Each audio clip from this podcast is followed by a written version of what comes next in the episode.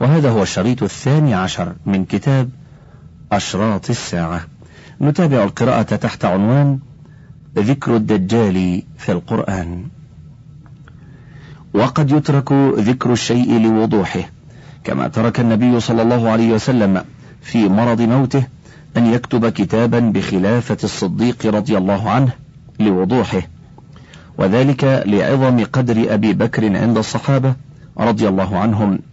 ولذلك قال النبي صلى الله عليه وسلم يأبى الله والمؤمنون إلا أبا بكر.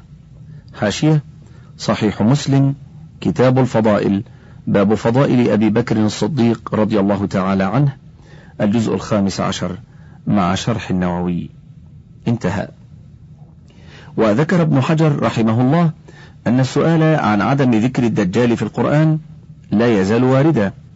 لأن الله تعالى ذكر يأجوج ومأجوج في القرآن وفتنتهم قريبة من فتنة الدجال. هذا ولعل الجواب الأول هو الأقرب والله أعلم.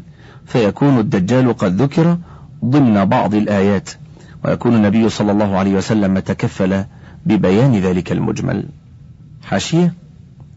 فتح الباري الجزء الثالث عشر مع الفتح. انتهت الحاشية.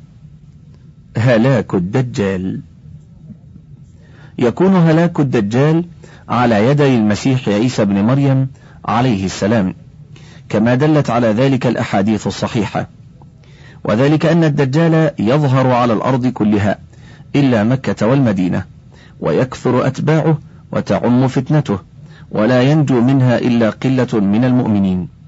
وعند ذلك ينزل عيسى بن مريم عليه السلام على المنارة الشرقية بدمشق ويلتف حوله عباد الله المؤمنون فيسير بهم قاصدا المسيح الدجال.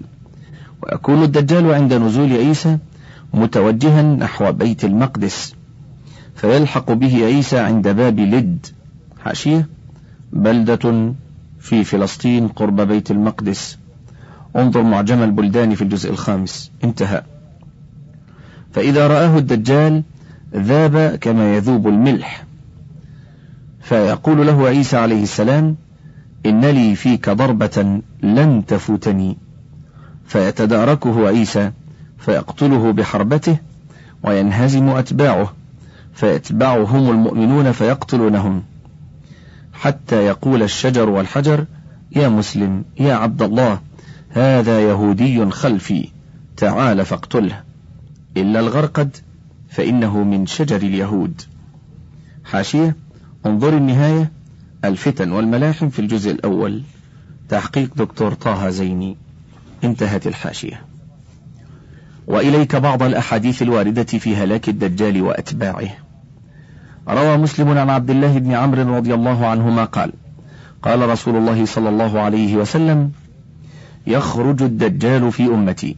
فذكر الحديث. وفيه فيبعث الله عيسى ابن مريم كأنه عروة بن مسعود فيطلبه فيهلكه. حاشية صحيح مسلم كتاب الفتن وأشراط الساعة. باب ذكر الدجال الجزء الثامن عشر مع شرح النووي. انتهى.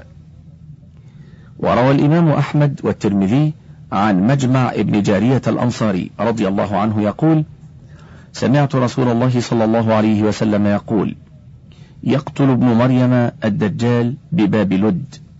حاشية الفتح الرباني ترتيب مسند أحمد الجزء الرابع والعشرون. والترمذي الجزء السادس مع تحفة الأحوذي. انتهت الحاشية. وروى مسلم عن النواس بن سمعان رضي الله عنه حديثا طويلا عن الدجال. وفيه قصة نزول عيسى وقتله للدجال. وفيه قوله صلى الله عليه وسلم فلا يحل لكافر يجد ريح نفسه إلا مات ونفسه ينتهي حيث ينتهي طرفه. فلا يحل لكافر يجد ريح نفسه إلا مات ونفسه ينتهي حيث ينتهي طرفه فيطلبه حتى يدركه بباب لد فيقتله. حاشية صحيح مسلم كتاب الفتن وأشراط الساعة. باب ذكر الدجال الجزء الثامن عشر مع شرح النووي. انتهت الحاشية. وروى الإمام أحمد عن جابر بن عبد الله رضي الله عنهما أنه قال قال رسول الله صلى الله عليه وسلم يخرج الدجال في خفقة من الدين وإدبار من العلم. فذكر الحديث. وفيه ثم ينزل عيسى بن مريم فينادي من السحر فيقول أيها الناس ما يمنعكم أن تخرجوا إلى الكذاب الخبيث؟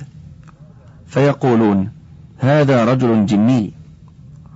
فينطلقون فإذا هم بعيسى بن مريم صلى الله عليه وسلم فتقام الصلاة فيقال له تقدم يا روح الله. فيقول ليتقدم إمامكم فليصلي بكم.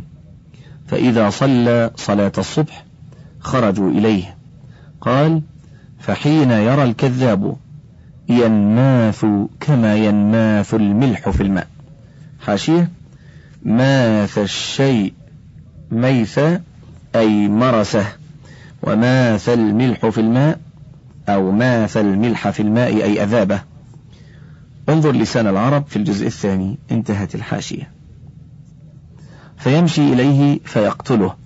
حتى إن الشجر والحجر ينادي يا روح الله! هذا يهودي. فلا يترك ممن كان يتبعه أحدا إلا قتله. حاشية. الفتح الرباني ترتيب مسند أحمد الجزء الرابع والعشرون. قال الهيثمي رواه أحمد بإسنادين رجال أحدهما رجال الصحيح. انظر مجمع الزوائد في الجزء السابع. انتهت الحاشية. وبقتله لعنه الله. تنتهي فتنته العظيمة.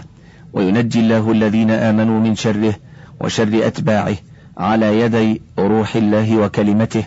عيسى بن مريم عليه السلام وأتباعه المؤمنين ولله الحمد والمنة. الفصل الثالث نزول عيسى عليه السلام. قبل أن نتحدث عن نزول عيسى بن مريم عليه السلام يحسن بنا أن نتعرف على صفته التي وردت بها النصوص الشرعية. صفة عيسى عليه السلام.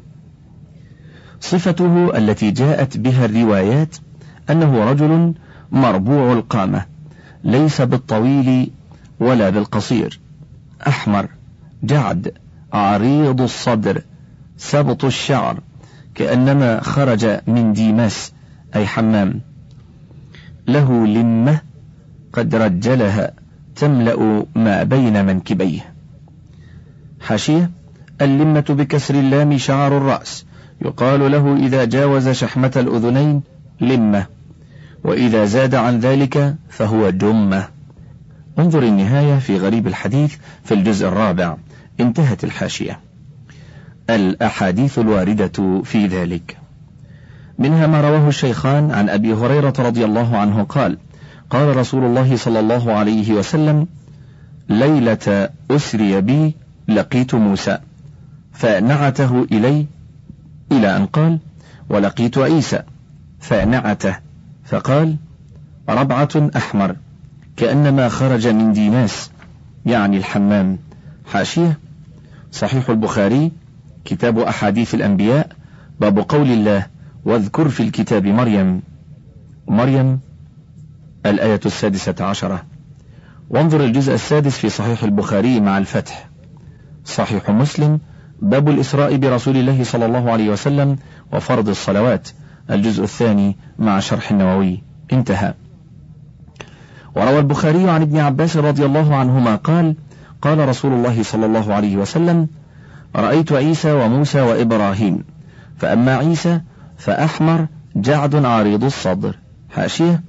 صحيح البخاري كتاب أحاديث الأنبياء باب قول الله واذكر في الكتاب مريم. الجزء السادس مع الفتح. انتهى.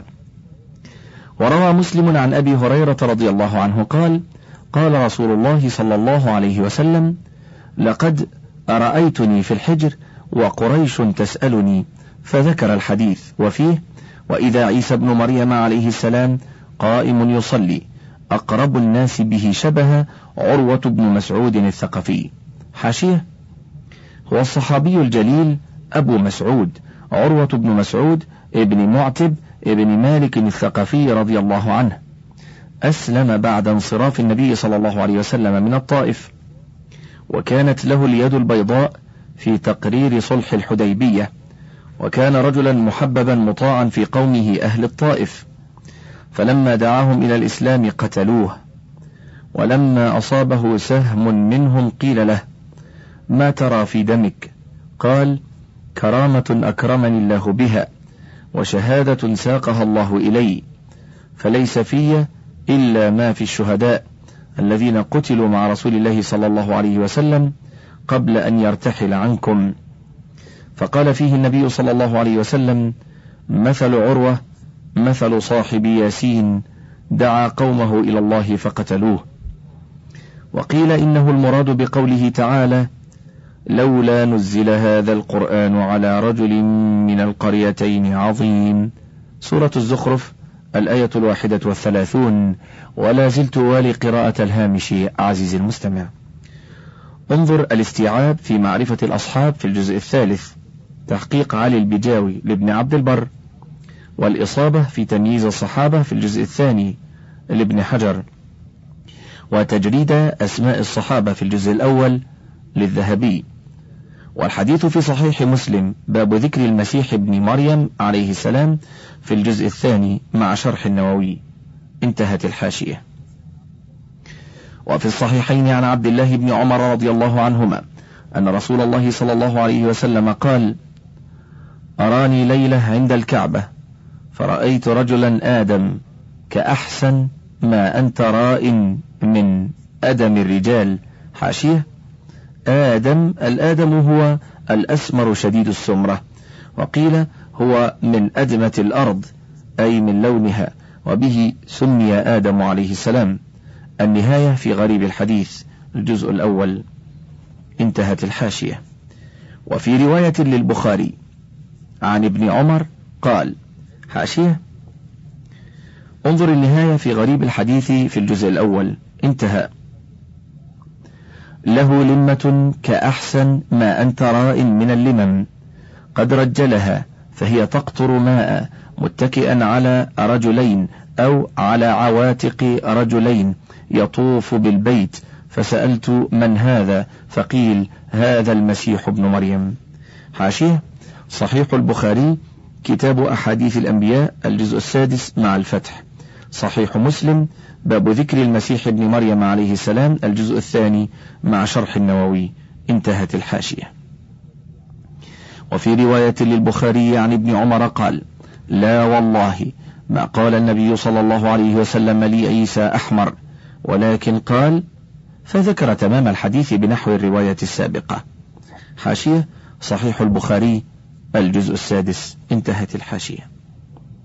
وفي رواية لمسلم عنه رضي الله عنه قال قال صلى الله عليه وسلم فإذا رجل آدم إلى أن قال رجل الشعر؟ حاشية. صحيح مسلم الجزء الثاني. انتهى. والجمع بين هذه الروايات من كونه في بعضها أحمر وبعضها آدم وما جاء أنه سبط الشعر وفي بعضها بأنه جعد. إنه لا منافاة بين الحمرة والأدمة لجواز أن تكون أدمته صافية. حاشية الإشاعة الصفحة الثالثة والأربعون والمئة. انتهى. وأما ما جاء من إنكار ابن عمر لرواية أن عيسى أحمر فهو مخالف لما حفظه غيره. فقد روى أبو هريرة وابن عباس رضي الله عنهما أنه عليه السلام أحمر اللون. وأما كونه في رواية سبط الشعر وفي أخرى أنه جعد والجعد ضد السبط فيمكن أن يجمع بينهما بأنه سبط الشعر وأما وصفه بأنه جعد فالمراد بذلك جعودة في جسمه لا شعره وهو اجتماع اللحم واكتنازه. حاشية. انظر فتح الباري في الجزء السادس. انتهى. صفة نزوله عليه السلام. بعد خروج الدجال وإفساده في الأرض يبعث الله عيسى عليه السلام فينزل إلى الأرض. ويكون نزوله عند المنارة البيضاء شرقية دمشق. الشام وعليه مهرودتان. حاشية. روي بالدال المهملة والذال المعجمة والمهملة أكثر. والمعنى لابس مهرودتين أي ثوبين مصبوغين بورس ثم زعفران.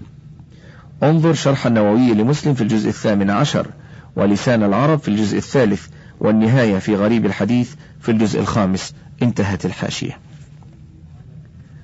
واضعا كفيه على أجنحة ملكين. إذا طأطأ رأسه قطر وإذا رفعه تحدر منه جمان كاللؤلؤ. ولا يحل لكافر يجد ريح نفسه إلا مات ونفسه ينتهي حيث ينتهي طرفه. ويكون نزوله على الطائفة المنصورة التي تقاتل على الحق وتكون مجتمعة لقتال الدجال فينزل وقت إقامة الصلاة. يصلي خلف أمير تلك الطائفة. قال ابن كثير هذا هو الأشهر في موضع نزوله أنه على المنارة البيضاء الشرقية بدمشق. وقد رأيت في بعض الكتب أنه ينزل على المنارة البيضاء شرقية جامع دمشق. فلعل هذا هو المحفوظ. وليس بدمشق منارة تعرف بالشرقية سوى التي إلى جانب الجامع الأموي بدمشق من شرقية. وهذا هو الأنسب والأليق لأنه ينزل وقد أقيمت الصلاة. فيقول له إمام المسلمين يا روح الله تقدم. فيقول تقدم أنت فإنه أقيمت لك. وفي رواية بعضكم على بعض أمراء تكرمة الله هذه الأمة. حاشية. صحيح مسلم كتاب الإيمان. باب بيان نزول عيسى بن مريم حاكما بشريعة نبينا محمد صلى الله عليه وسلم. الجزء الثاني مع شرح النووي. وكذلك انظر, النهاية الفتن والملاحم في الجزء الأول. انتهت الحاشية. وذكر ابن كثير أنه في زمنه سنة إحدى وأربعين وسبعمائة جدد المسلمون منارة من حجارة بيض. وكان بناؤها من أموال النصارى الذين حرقوا المنارة التي كانت مكانها. ولعل هذا يكون من دلائل النبوة الظاهرة حيث قيض الله بناء هذه المنارة من أموال النصارى لينزل عيسى بن مريم عليها فيقتل الخنزير ويكسر الصليب ولا يقبل منهم جزية ولكن من أسلم وإلا قتل وكذلك غيرهم من الكفار. حاشية انظر النهاية. في الفتن والملاحم في الجزء الأول. انتهت الحاشية. ففي حديث النواس بن سمعان الطويل في ذكر خروج الدجال ثم نزول عيسى عليه السلام قال صلى الله عليه وسلم إذا بعث الله المسيح ابن مريم فينزل عند المنارة البيضاء شرقية دمشق بين مهرودتين واضعا كفيه على أجنحة ملكين إذا طأطأ رأسه قطر وإذا رفعه تحدر منه جمان كاللؤلؤ فلا يحل لكافر يجد ريح نفسه إلا مات ونفسه ينتهي حيث ينتهي طرفه فيطلبه أي يطلب الدجال حتى يدركه بباب لود فيقتله. ثم يأتي عيسى بن مريم ثم يأتي عيسى بن مريم قوم قد عصمهم الله منه فيمسح وجوههم ويحدثهم بدرجاتهم في الجنة.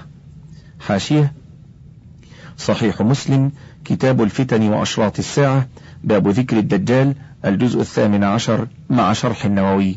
انتهت الحاشية.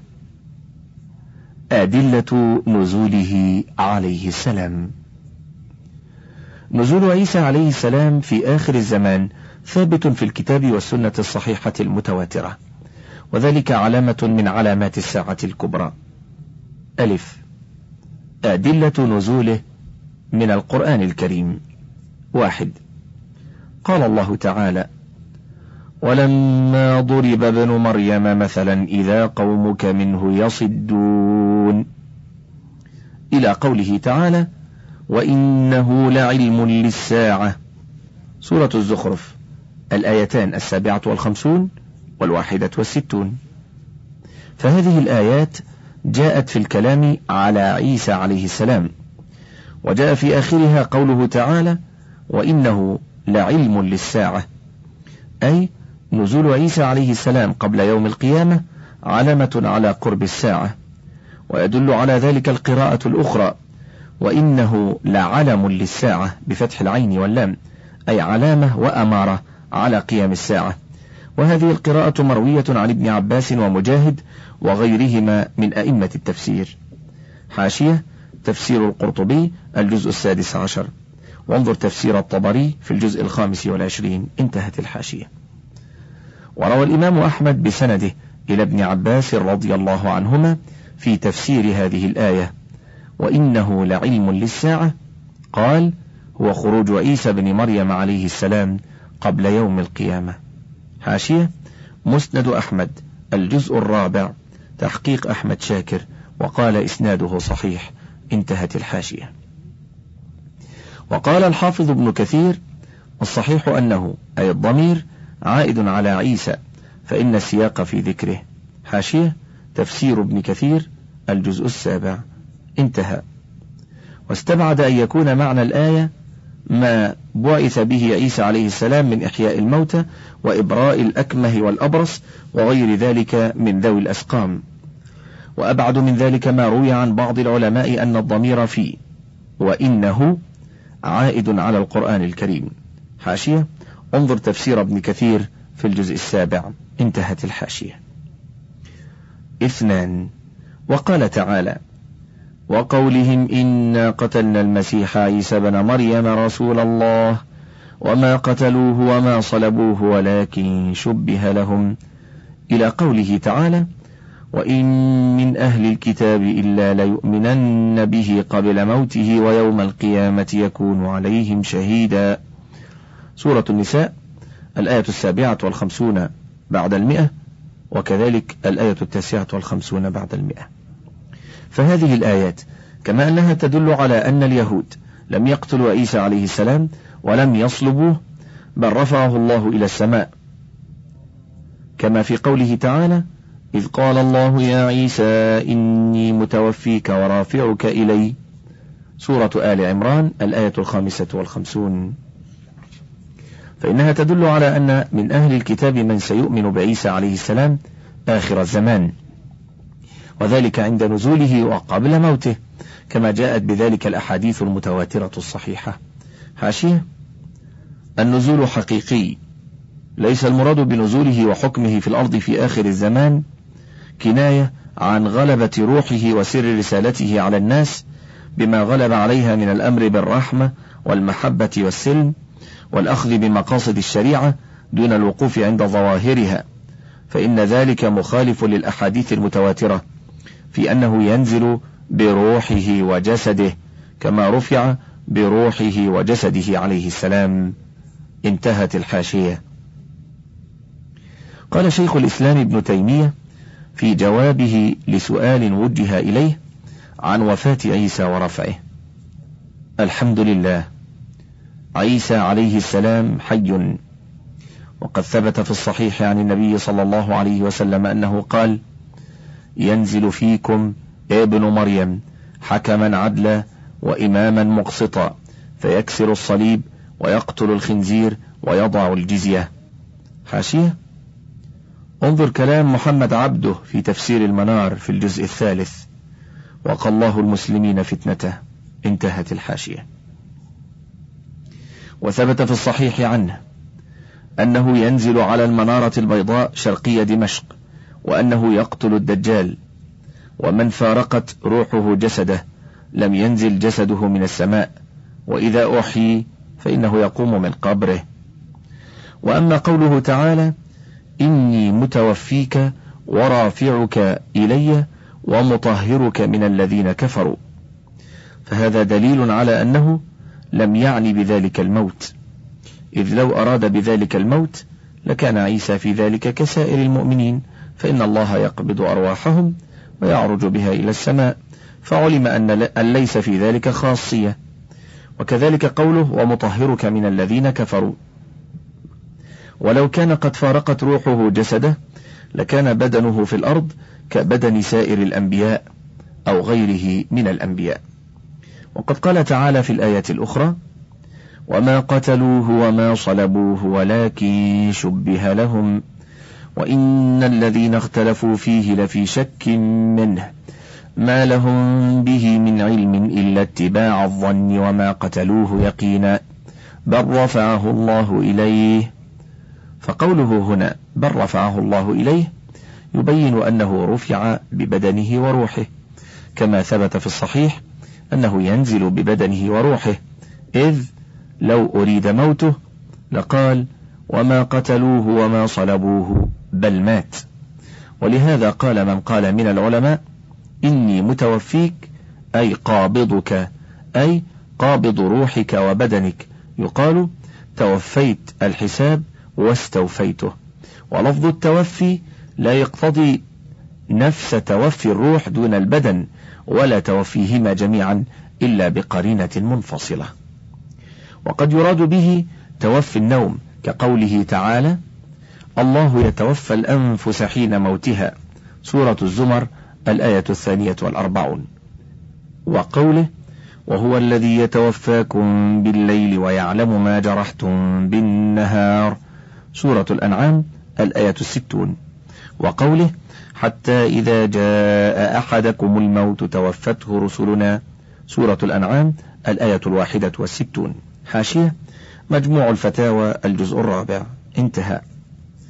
وليس الكلام في هذا البحث عن رفع عيسى عليه السلام وإنما جاء ذكر ذلك لبيان أنه رفع ببدنه وروحه وأنه حي الآن في السماء وسينزل في آخر الزمان.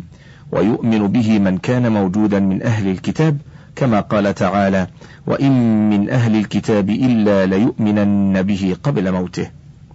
قال ابن جرير حدثنا ابن بشار قال حدثنا سفيان عن أبي حسين عن سعيد بن جبير عن ابن عباس وإن من أهل الكتاب إلا ليؤمنن به قبل موته قال قبل موت عيسى بن مريم. قال ابن كثير وهذا إسناد صحيح. حاشية تفسير الطبري الجزء السادس. النهاية الفتن والملاحم الجزء الأول. وابن عباس أيضا صححه أيضا ابن حجر في الفتح في الجزء السادس. أي صحح أثر ابن عباس. انتهت الحاشية. ثم قال ابن جرير بعد سياقه للأقوال في معنى هذه الآية وأولى الأقوال بالصحة قول من قال تأويل ذلك وإن من أهل الكتاب إلا ليؤمنن بعيسى قبل موت عيسى. حاشية تفسير الطبري الجزء السادس. انتهت الحاشية. وروي بسنده عن الحسن البصري أنه قال قبل موت عيسى والله إنه الآن حي عند الله ولكن إذا نزل آمنوا به أجمعون. حاشية تفسير الطبري الجزء الأول. وقال ابن كثير ولا شك أن هذا الذي قاله ابن جرير هو الصحيح لأنه المقصود من سياق الآي في تقرير بطلان ما ادعته يهود من قتل عيسى وصلبه وتسليم من سلم لهم من النصارى الجهلة ذلك. فأخبر الله أنه لم يكن الأمر كذلك وإنما شبه لهم فقتلوا الشبيه وهم لا يتبينون ذلك ثم إنه رفع إليه وإنه باق حي وإنه سينزل قبل يوم القيامة كما دلت على ذلك الأحاديث المتواترة.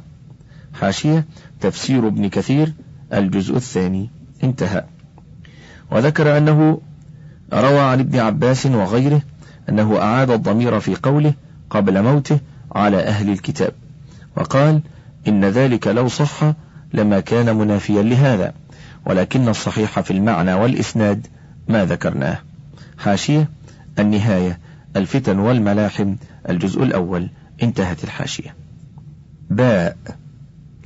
أدلة نزوله من السنة المطهرة. الأدلة من السنة على نزول عيسى عليه السلام كثيرة ومتواترة. سبق ذكر بعضها وسأذكر هنا بعضا منها خشية الإطالة. واحد. فمنها ما رواه الشيخان عن أبي هريرة رضي الله عنه. قال قال رسول الله صلى الله عليه وسلم والذي نفسي بيده ليوشكن أن ينزل فيكم ابن مريم حكما عدلا فيكسر الصليب ويقتل الخنزير ويضع الحرب ويفيض المال حتى لا يقبله أحد حتى تكون السجدة الواحدة خيرا من الدنيا وما فيها. ثم يقول أبو هريرة واقرأوا إن شئتم. وإن من أهل الكتاب إلا ليؤمنن به قبل موته ويوم القيامة يكون عليهم شهيدا. حاشية صحيح البخاري كتاب أحاديث الأنبياء باب نزول عيسى بن مريم عليهما السلام الجزء السادس مع الفتح صحيح مسلم باب نزول عيسى بن مريم حاكمة الجزء الثاني مع شرح النووي انتهت الحاشية. أدلة نزول عيسى عليه السلام من السنة المطهرة. ثم يقول أبو هريرة واقرأوا إن شئتم وإن من أهل الكتاب إلا ليؤمنن به قبل موته ويوم القيامة يكون عليهم شهيدا. وهذا تفسير من أبي هريرة رضي الله عنه لهذه الآية بأن المراد بها أن من أهل الكتاب من سيؤمن بعيسى عليه السلام قبل موته وذلك عند نزوله آخر الزمان كما سبق بيانه. اثنان وروى الشيخان أيضا عن أبي هريرة رضي الله عنه قال قال رسول الله صلى الله عليه وسلم كيف أنتم إذا أنزل ابن مريم فيكم وإمامكم منكم؟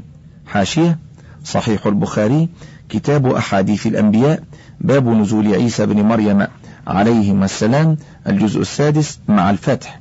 وصحيح مسلم باب نزول عيسى بن مريم حاكمة الجزء الثاني مع شرح النووي. وانتهت الحاشية. ثلاثة وروى مسلم عن جابر رضي الله عنه قال سمعت النبي صلى الله عليه وسلم يقول لا تزال طائفة من أمتي يقاتلون على الحق ظاهرين إلى يوم القيامة قال فينزل عيسى بن مريم صلى الله عليه وسلم فيقول أميرهم صل لنا فيقول لا إن بعضكم على بعض أمراء تكرمة الله هذه الأمة حاشية صحيح مسلم باب نزول عيسى بن مريم صلى الله عليه وسلم حاكمة الجزء الثاني مع شرح النووي. انتهى. أربعة. وتقدم حديث حذيفة بن أسيد في ذكر أشراط الساعة الكبرى. وفيه ونزول عيسى بن مريم صلى الله عليه وسلم. حاشية. صحيح مسلم كتاب الفتن وأشراط الساعة الجزء الثامن عشر مع شرح النووي. انتهى. خمسة. وروى الإمام أحمد عن أبي هريرة أن النبي صلى الله عليه وسلم قال الأنبياء إخوة لعلات أمهاتهم شتى ودينهم واحد وإني أولى الناس بعيسى بن مريم لأنه لم يكن بيني وبينه نبي وإنه نازل فإذا رأيتموه فاعرفوه. حاشية مسند أحمد الجزء الثاني بهامشه منتخب الكنز والحديث صحيح. انظر هامش عمدة التفسير في الجزء الرابع تحقيق الشيخ أحمد شاكر. وصدر هذا الحديث وصدر هذا الحديث رواه البخاري في الجزء السادس مع الفتح. ورواه الحاكم في المستدرك في الجزء الثاني. وقال هذا حديث صحيح الإسناد ولم يخرجاه ووافقه الذهبي. انتهت الحاشية. الأحاديث في نزول عيسى عليه السلام متواترة. ذكرت فيما سبق بعض الأحاديث الواردة في نزول عيسى عليه السلام ولم أذكر جميع الأحاديث الواردة في نزوله خشية أن يطول البحث.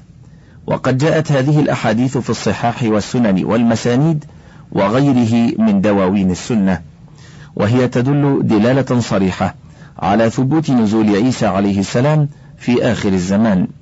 ولا حجة لمن ردها أو قال إنها أحاديث آحاد لا تقوم بها الحجة أو إن نزوله ليس عقيدة من عقائد المسلمين التي يجب عليهم أن يؤمنوا بها. حاشية؟ انظر كتاب الفتاوى في الصفحة التاسعة والخمسين إلى الثانية والثمانين لمحمود شلتوت طبع دار الشروق. فإنه أنكر فيه على من قال برفع عيسى عليه السلام ببدنه وأيضا أنكر نزوله في آخر الزمان ورد الأحاديث الواردة في ذلك وقال إنه لا حجة فيها لأنها أحاديث آحاد وهذه هي مدرسة الأفغاني ومحمد عبده. ومسألة رفع عيسى وهل هو ببدنه أو بروحه مسألة خلافية بين العلماء ولكن الحق أنه رفع ببدنه وروحه كما ذهب إلى ذلك جمهور المفسرين كالطبري والقرطبي وابن تيمية وابن كثير وغيرهم من العلماء. تفسير الطبري الجزء الثالث. تفسير القرطبي الجزء الرابع. مجموع الفتاوى لابن تيمية الجزء الرابع. تفسير ابن كثير في الجزء الثاني. وانتهت الحاشية. لأنه إذا ثبت الحديث وجب الإيمان به وتصديق ما أخبر به الصادق المصدوق. صلى الله عليه وسلم. ولا يجوز لنا رد قوله لكونه حديث آحاد. لأن هذه حجة واهية. سبق أن عقدت فصلا في أول هذا البحث بينت فيه أن حديث الآحاد إذا صح وجب تصديق ما فيه. وإذا قلنا إن حديث الآحاد ليس بحجة فإننا نرد كثيرا من أحاديث رسول الله صلى الله عليه وسلم. ويقول ما قاله عليه الصلاة والسلام عبثا لا معنى له كيف؟ والعلماء قد نصوا على تواتر الأحاديث في نزول عيسى عليه السلام. وسأذكر هنا طائفة من أقوالهم. قال ابن جرير الطبري بعد ذكره الخلاف في معنى وفاة عيسى وأولى هذه الأقوال بالصحة عندنا قول من قال معنى ذلك إني قابضك من الأرض ورافعك إلي. لتواتر الأخبار عن رسول الله صلى الله عليه وسلم أنه قال ينزل عيسى ابن مريم فيقتل الدجال. حاشية تفسير الطبري الجزء الثالث. انتهى. ثم ساق بعض الأحاديث الواردة في نزوله. وقال ابن كثير تواترت الأحاديث عن رسول الله صلى الله عليه وسلم أنه أخبر بنزول عيسى عليه السلام قبل يوم القيامة إماما عادلا وحكما مقسطا. حاشية تفسير ابن كثير الجزء السابع. انتهى. ثم ذكر أكثر من ثمانية عشر حديثا في نزوله. وقال صديق حسن خان والأحاديث في نزوله عليه السلام كثيرة. ذكر الشوكاني منها تسعة وعشرين حديثا ما بين صحيح وحسن وضعيف منجبر منها ما هو مذكور في أحاديث الدجال ومنها ما هو مذكور في أحاديث المنتظر. وتنضم إلى ذلك أيضا الآثار الواردة عن الصحابة فلها حكم الرفع إذ لا مجال لاجتهاد في ذلك. ثم ساقها وقال جميع ما سقناه بالغ حد التواتر كما لا يخفى على من له فضل اطلاع. حاشية الإذاعة الصفحة الستون بعد المئة. انتهى. وقال الغماري حاشية هو أبو الفضل عبد الله محمد الصديق الغماري من علماء هذا العصر. انتهى. وقد ثبت القول بنزول عيسى عليه السلام عن غير واحد من الصحابة والتابعين وأتباعهم والأئمة والعلماء من سائر المذاهب على ممر الزمان إلى وقتنا هذا. حاشية عقيدة أهل الإسلام في نزول عيسى عليه السلام الصفحة الثانية عشرة. انتهى. وقال تواتر هذا تواترا لا شك فيه بحيث لا يصح أن ينكره إلا الجهلة الأغبياء كالقاديانية ومن نحى نحوهم. لأنه نقل بطريق بطريق جمع عن جمع حتى استقر في كتب السنة التي وصلت إلينا تواترا بتلقي جيل عن جيل. حاشية عقيدة أهل الإسلام في نزول عيسى عليه السلام. الصفحة الخامسة انتهى. وقد ذكر من رواه من الصحابة فعد أكثر من خمسة وعشرين صحابيا رواه عنهم أكثر من ثلاثين تابعيا ثم رواه تابع التابعين بأكثر من هذا العدد.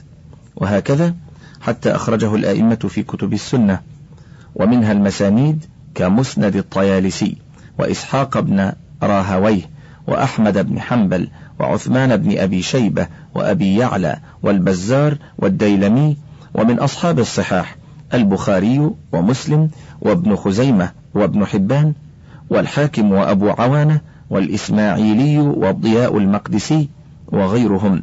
ورواه أصحاب الجوامع والمصنفات والسنن والتفسير بالمأثور والمعاجم والأجزاء والغرائب والمعجزات والطبقات والملاحم.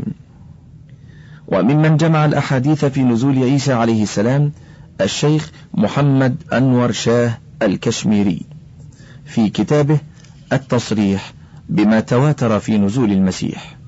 حاشية والشيخ المحدث محمد أنور شاه الكشميري الهندي.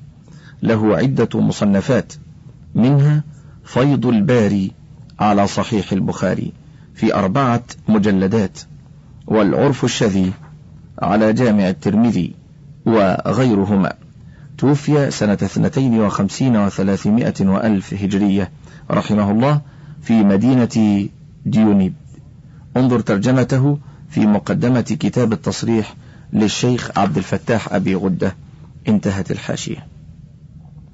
وممن جمع الأحاديث في نزول عيسى عليه السلام الشيخ محمد أنور شاه الكشميري في كتابه التصريح بما تواتر في نزول المسيح فذكر أكثر من سبعين حديثا. عزيزي المستمع جاءت اللفظة في الهامش في مدينة ديونيد ولعله تصحيف لعله يقصد مدينة ديوبند والله أعلم. وقال صاحب عون المعبود شرح سنن أبي داود تواترت الأخبار عن النبي صلى الله عليه وسلم في نزول عيسى بن مريم صلى الله عليه وسلم من السماء بجسده العنصري إلى الأرض عند قرب الساعة. وهذا هو مذهب أهل السنة. حاشية عون المعبود الجزء الحادي عشر لأبي الطيب محمد شمس الحق العظيم آبادي. انتهت الحاشية. وقال الشيخ أحمد شاكر أنعم الله عليه. نزول عيسى عليه السلام في آخر الزمان مما لم يختلف فيه المسلمون لورود الأخبار الصحاحة عن النبي صلى الله عليه وسلم بذلك. وهذا معلوم من الدين بالضرورة لا يؤمن من أنكره. حاشية من حاشية تفسير الطبري في الجزء السادس تخريج الشيخ الفاضل الكريم أحمد شاكر. وتحقيق محمود شاكر مطبعة دار المعارف بمصر. انتهت الحاشية. وقال في تعليقه على مسند الإمام أحمد وقد لعب المجددون أو المجردون في عصرنا الذي نحيا فيه بهذه الأحاديث الدالة صراحة على نزول عيسى عليه ابن مريم عليه السلام في آخر الزمان قبل انقضاء الحياة الدنيا بالتأويل المنطوي على الإنكار تارة وبالإنكار الصريح أخرى ذلك أنهم في حقيقة أمرهم لا يؤمنون بالغيب أو لا يكادون يؤمنون. وهي أحاديث متواترة المعنى في مجموعها. يعلم مضمون ما فيها من الدين بالضرورة فلا يجديهم الإنكار ولا التأويل. عزيز مستمع ويذكر هنا كما سبق وأسلفنا مدرسة الأسد بادي المعروف بجمال الدين الأفغاني ومحمد عبده ورشيد رضا ومحمد فريد وجدي ومن سار سيرتهم حتى اليوم. حاشية حاشية مسند الإمام أحمد في الجزء الثاني عشر. انتهى.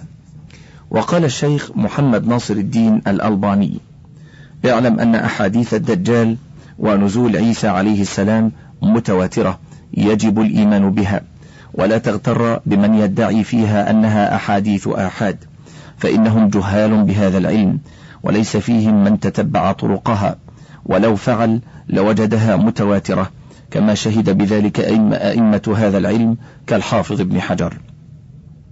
ومن المؤسف حقا أن يتجرأ البعض على الكلام فيما ليس من اختصاصهم لا سيما والأمر دين وعقيدة. حاشية. حاشية شرح العقيدة الطحاوية في الصفحة الخامسة والستين بعد الخمسمائة بتخريج الشيخ محمد ناصر الدين الألباني محدث الشام. انتهت الحاشية. ونزول عيسى عليه السلام ذكره طائفة من العلماء في عقيدة أهل السنة والجماعة وأنه ينزل لقتل الدجال قبحه الله. قال الإمام أحمد بن حنبل رحمه الله أصول السنة عندنا التمسك بما كان عليه أصحاب رسول الله صلى الله عليه وسلم والاقتداء بهم وترك البدع وكل بدعة فهي ضلالة. ثم ذكر جملة من عقيدة أهل السنة ثم قال والإيمان أن المسيح الدجال خارج مكتوب بين عينيه كافر والأحاديث التي جاءت فيه والإيمان بأن ذلك كائن وأن عيسى ينزل فيقتله بباب لد. حاشية طبقات الحنابلة الجزء الأول للقاضي الحسن بن محمد بن أبي يعلى. انتهت الحاشية. وقال أبو الحسن الأشعري رحمه الله في سرده لعقيدة أهل الحديث والسنة. حاشية. والإمام العلامة أبو الحسن علي بن إسماعيل من ذرية أبي موسى الأشعري الصحابي الجليل. نشأ في حجر زوج أمه أبي علي الجبائي شيخ المعتزلة في عصره. وقد تتلمذ عليه واعتنق مذهبه ما يقارب من أربعين سنة. ثم هداه الله إلى مذهب أهل السنة والجماعة فأعلن أنه على مذهب أحمد بن حنبل وله مصنفات كثيرة بلغت خمسة وخمسين مصنفا. وقد ذكرت الدكتورة فوقية حسين محمود في مقدمة تحقيقها لكتاب الإبانة نحو مئة مصنف ومن أشهرها مقالات الإسلاميين وكتاب اللمع والوجيز وغيرها. وكان آخر ما ألف كتاب الإبانة عن أصول الديانة توفي رحمه الله سنة أربع وعشرين وثلاثمائة هجرية. أتابع قراءة الحاشية في ترجمة الأشعري. انظر ترجمته في كتاب تبيين كذب المفتري لابن عساكر في الصفحة الرابعة والثلاثين وما بعدها والبداية والنهاية في الجزء الحادي عشر وشذرات الذهب في الجزء الثاني ومقدمة كتاب الإبانة من الصفحات من السابعة إلى السادسة عشرة لأبي الحسن الندوي تحقيق عبد القادر الأرناؤوط. ومقدمة الإبانة تحقيق دكتورة فوقية حسين محمود. انتهت الحاشية. نقول قال أبو الحسن الأشعري رحمه الله في سرده لعقيدة أهل الحديث والسنة الإقرار بالله وملائكته وكتبه ورسله وما جاء من عند الله وما رواه الثقات عن رسول الله صلى الله عليه وسلم لا يردون من ذلك شيئا ويصدقون بخروج الدجال وأن عيسى يقتله. ثم قال في آخر كلامه وبكل ما ذكرنا من قولهم نقول وإليه نذهب. حاشية مقالات الإسلاميين واختلاف المصلين. الجزء الأول تحقيق الشيخ محمد محي الدين عبد الحميد انتهت الحاشية. وقال الطحاوي ونؤمن بأشراط الساعة. حاشية. والحافظ الفقيه المحدث أبو جعفر أحمد بن محمد ابن سلامة الطحاوي الأزدي المصري شيخ الحنفية في عصره في مصر ونسبته إلى طحا قرية بصعيد مصر له مصنفات كثيرة. العقيدة الطحاوية كتاب معاني الآثار كتاب مشكل الآثار توفي سنة إحدى وعشرين وثلاثمائة بمصر رحمه الله. انظر ترجمته في البداية والنهاية في الجزء الحادي عشر وشذرات الذهب في الجزء الثاني ومقدمة شرح العقيدة الطحاوية الصفحتين التاسعة والعاشرة بل والحادية عشرة بتحقيق وتخريج الألباني انتهت الحاشية.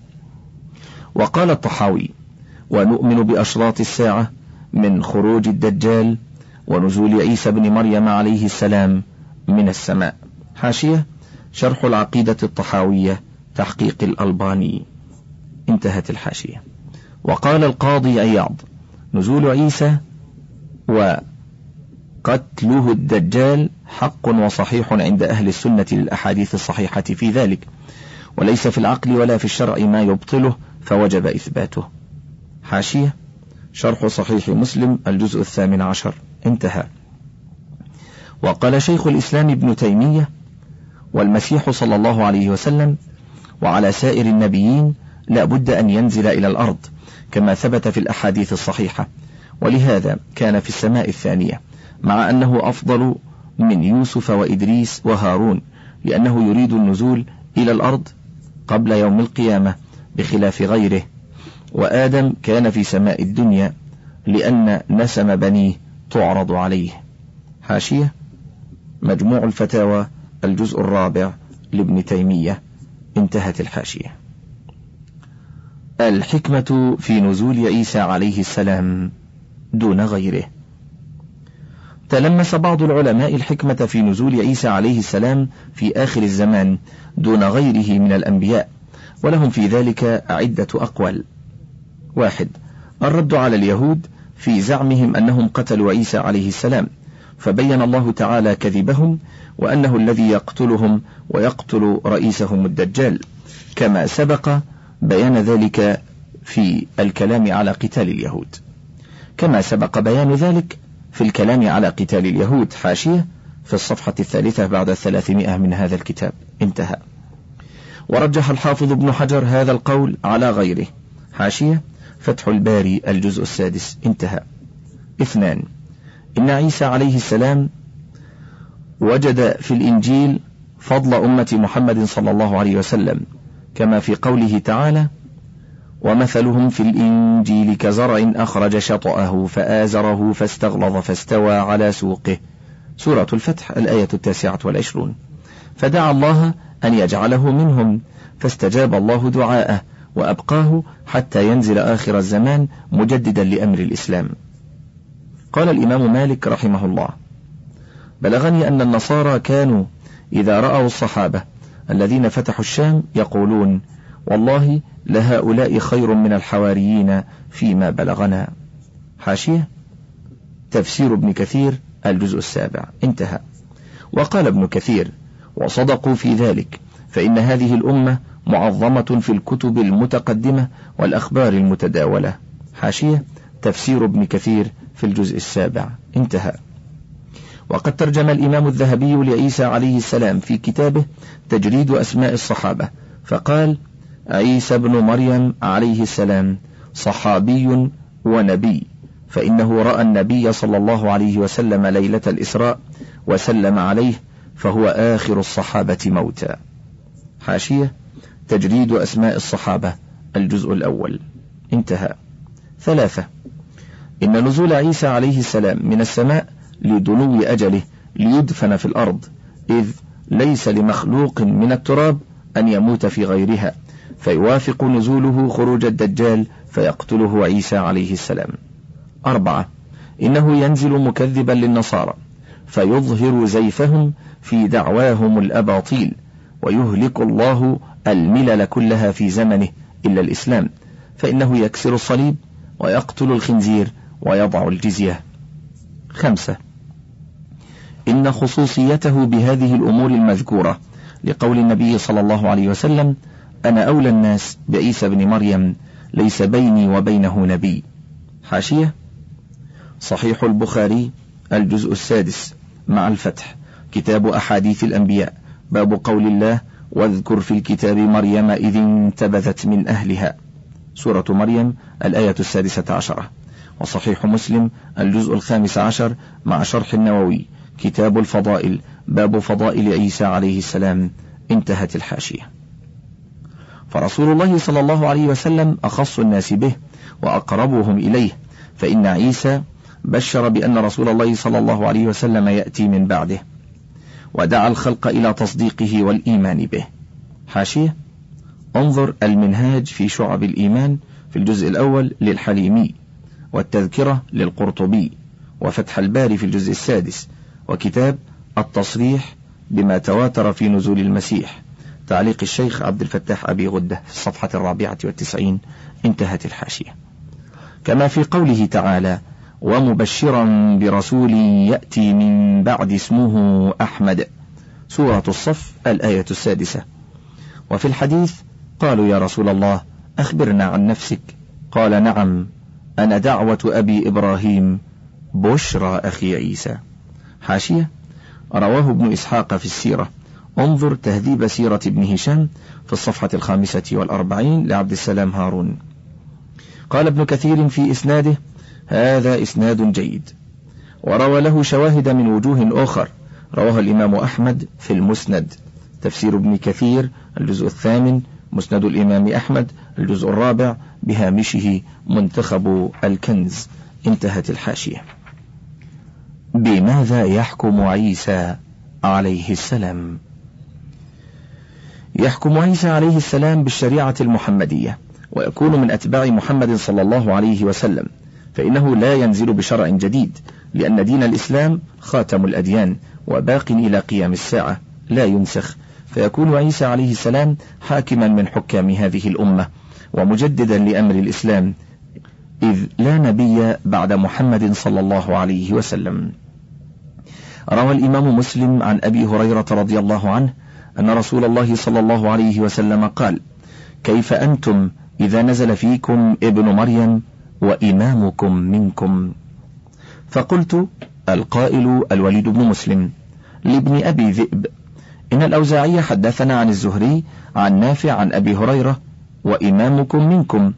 قال ابن أبي ذئب تدري ما أمكم منكم؟ قال تخبرني؟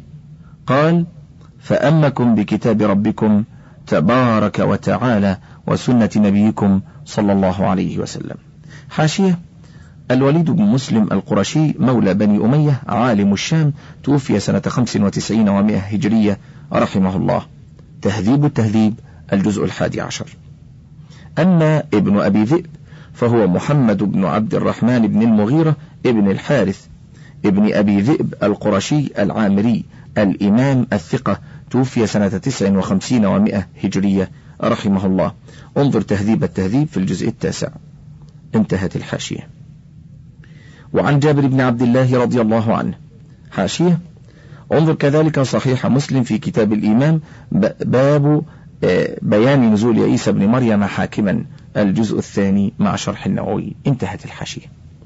عن جابر بن عبد الله رضي الله عنه قال سمعت رسول الله صلى الله عليه وسلم يقول لا تزال طائفة من أمتي يقاتلون على الحق ظاهرين إلى يوم القيامة. قال فينزل عيسى بن مريم صلى الله عليه وسلم فيقول أميرهم تعالى صل بنا. فيقول لا إن بعضكم على بعض أمراء تكرمة الله هذه الأمة. حاشية صحيح مسلم الجزء الثاني مع شرح النووي.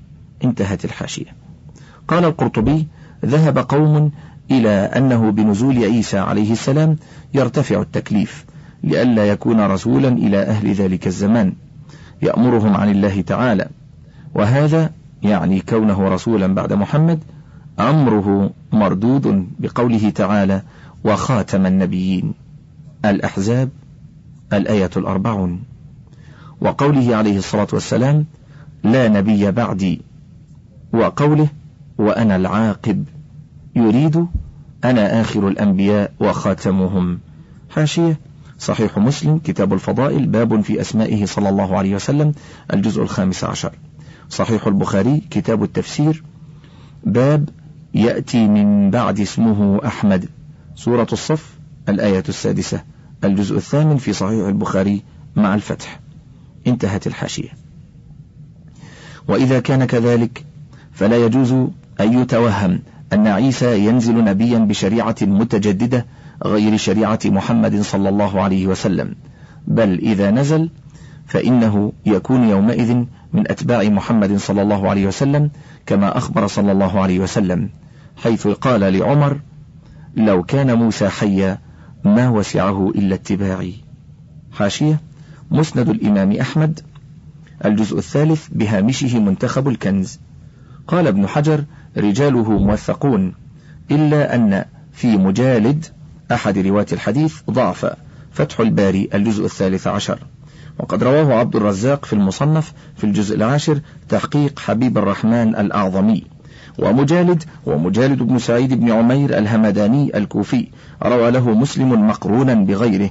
قال فيه ابن حجر صدوق. تهذيب التهذيب الجزء العاشر. انتهت الحاشية.